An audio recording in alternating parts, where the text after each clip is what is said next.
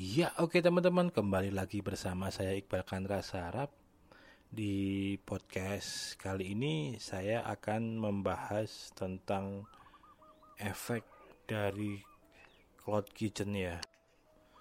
Di mana cloud kitchen ini sebenarnya bukan bukan dalam artian masak di awan atau gimana ya, tapi bagaimana sebenarnya sekarang orang berbisnis itu yang terutama yang kuliner itu bisa di mana aja ya karena tidak terpatok oleh tempat dan lain-lain ya. Di era 4.0 saat inilah dengan banyaknya ojol dan lain-lain ya. Terutama sih bisnis ini menjadi menarik karena ada ojol itu. Namun bisnis ini pada akhirnya menjadi menjadi bubble juga ya di tangan. Mungkin orang-orang yang bisa mengambil peluang ini. Walaupun di sini saya artikan negatif ya. Walaupun sebenarnya itu itu nggak ada yang salah secara sistem ya. Hanya ini masalah lebih ke masalah etika dan lain-lainnya. Kita tidak bisa kita tidak bisa menyuruh orang untuk tidak membuka banyak warung nah, dan kita tidak bisa menyuruh orang untuk tidak membuka menu yang sama seperti itu. Jadi itu udah udah udah hal yang sangat-sangat manusiawi lah. Tapi di sini lebih ke etika ya. Kemarin yang sempat viral itu kan sebenarnya juga juga udah pernah saya saya bahas juga ya. Karena saya juga meng, udah mengalami itu bahkan setahunan lebih inilah setahun dua tahun lebih ini Jakarta ini juga. Di mana kalau saya yang saya alami memang ketika pesan bebek haji apa namanya itu? Bebek haji siapa itu? Bebek haji Senin apa bebek haji siapa itu? Selamat. Nah itu kan juga orang atau mitra ojol food yang menggunakan nama itu sangat-sangat banyak banget jadi sini ya. Bahkan semerek-merek sebungkusnya dan lain-lain itu juga di gambarnya misalnya gambarnya di di ojolnya itu juga hampir sama gitu loh. Saya beberapa kali lah ketipu dalam motel oh, ternyata bukan Haji Selamat yang saya mau gitu loh. Yang asli yang emang hijau itu yang ada gambar bebeknya itu. Tapi emang orang yang pakai nama itu loh buat buat bikin warung gitu loh. Nah sebenarnya masalah ini juga karena apa? Di sisi lain pemilik brand itu juga jarang yang mungkin mengurus legalitas dan lain-lain ya. Ketika mereka udah ngurus legalitas, sebenarnya mereka bisa mengurus itu di ini kalau logika saya yang nggak tahu sistem ini bisa bisa diimplementasikan atau ditanyakan ke yang pihak ojolnya tapi harusnya bisa sih kita menuntut atau meminta untuk tidak boleh menampilkan orang dengan nama itu. Nah, itu sebenarnya sangat-sangat bisa ya. Misal kayak geprek bensu atau apa gitu-gitu nggak boleh ada warung selain punyanya Ruben Onsu itu yang pakai nama itu sebenarnya kan. Itu bisa juga seperti itu. Misal kalau tapi masalahnya ketika itu brand itu adalah sebuah nama ya itu ya agak susah kayak nama selamat kayak nama apa itu kan nama-nama yang umum semua orang boleh boleh pakai itu ah. ketika nama-nama brand itu adalah nama orang yang menjadi masalah itu seperti itu yang jadi masalah lagi makanan-makanan sekarang ini makanan-makanan yang otentik yang bisa dibilang makanan-makanan jadul makanan-makanan daerah makanan khas makanan yang diburu gitu-gitu sekarang udah banyak yang putus mitra dengan ojol. Kemungkinan persepsi mereka seperti ini kalau saya kalau saya gambarkan versi saya ya. Mereka udah udah pasti mendapatkan traffic dari pengunjung yang datang dulu. Jadi buat apa dia harus motong 20% untuk dikasihkan ke pihak ojol untuk mengelola itu gitu loh untuk mengelola traffic itu. Jadi lebih baik mereka ya buka aja itu yang saya alami itu sebenarnya kayak di Jogja itu kayak kayak apa namanya bakpia Kurniasari dan lain-lain itu kan dia kalau teman-teman cari di ojol itu statusnya udah close terus ya. Ini ini data ini paling nggak setahun yang lalu lah. Nggak tahu kalau sekarang mereka udah aktif mitra lagi atau gimana.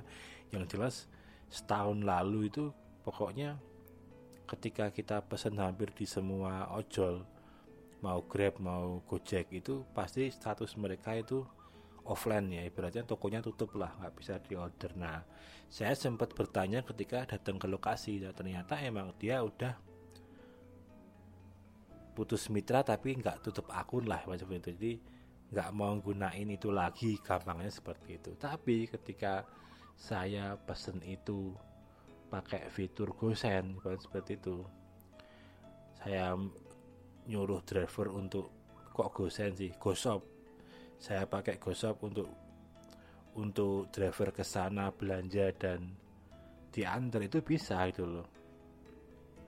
Jadi emang masalahnya emang emang seperti itu. Nah kembali lagi ke ke masalah cloud kitchen ini yang viral kemarin kan banyak akun-akun warung klonengan ya. Bisa dibilang ya ini dampak dari internet dan lain-lainnya seperti ini. Bisa dibilang mungkin dampak dari seminar-seminar orang internet marketing yang wah buka apa namanya buka toko tanpa modal dan lain-lain. Nah dampaknya akan semacam seperti ini. Apalagi sekarang bahkan pedagang-pedagang itu udah paham tentang keyword walaupun mereka tidak tidak paham mendasar tentang keyword itu apa. Yang jelas namanya ibaratnya harus banyak yang orang cari seperti itu. Makanya kan di sini bahkan namanya dia ingin ngejar orang yang cari geprek orang yang mau nyari geprek mau penyet terus sama gepuk. Di sini sampai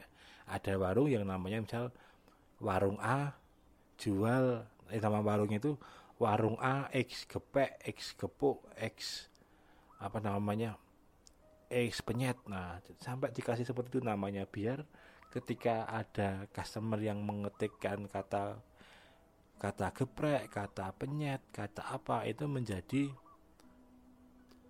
peringkat satu di halaman searchnya. Walaupun tetap kebanyakan fitur tetap by lokasi ya tapi paling enggak kita udah ada opportunity di situ gitu loh nah Masalahnya lagi ketika yang disasar itu adalah keyword-keyword warung makan yang udah ada. Nah, dampak masalahnya di situ. Jadi misal kemarin yang kasus itu kan bukan kasus sih, yang isu yang menjadi viral itu kan kemarin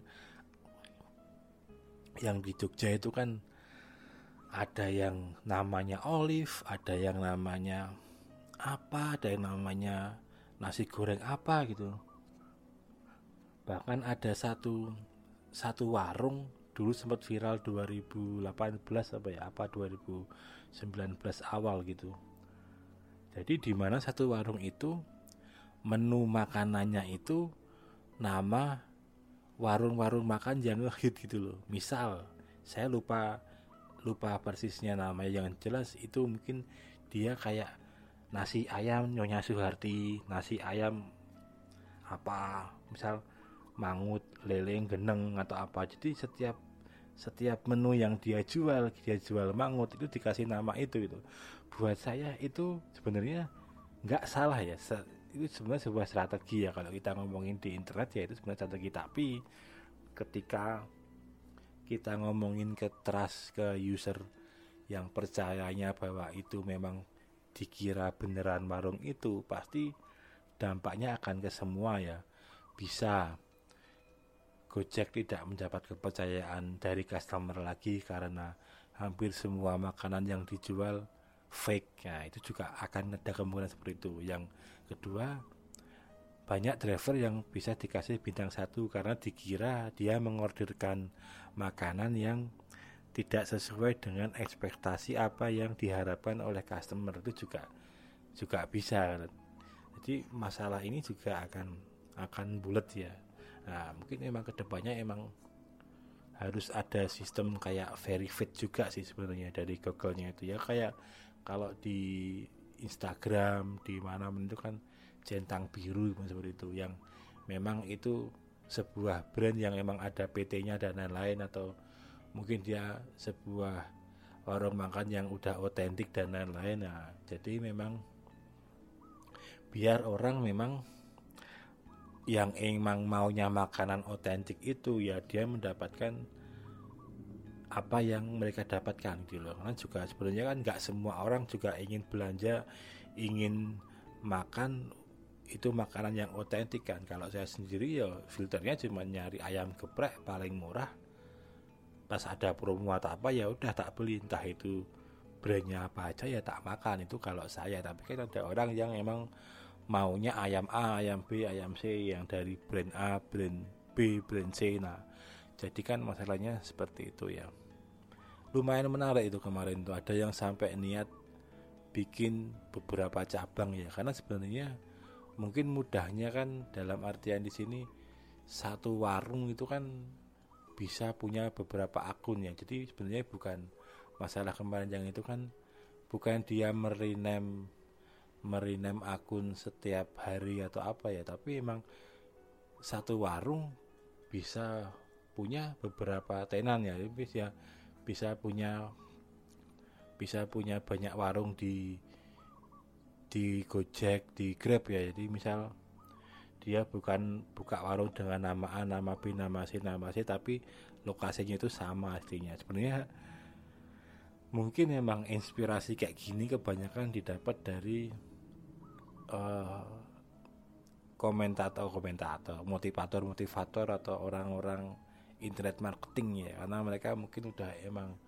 mindsetnya udah kebiasa spamming jadi ya apa pun di spamming warung juga di spamming ya. Walaupun sebenarnya secara kalau kita udah diniatkan itu karena ingin menipu customer ya sebenarnya udah udah ada hal yang nggak benar di situ ya. Kecuali emang namanya juga emang selamat namanya juga emang siapa tapi masakannya juga enak gitu loh. Jadi emang kalau gitu emang ya nggak masalah. Atau atau bukan masalah masalahnya enak lah. Emang namanya juga itu loh. Jadi juga nggak masalah. Jadi bukan karena punya etikat ingin dapat traffic dari orang yang salah order gitu loh.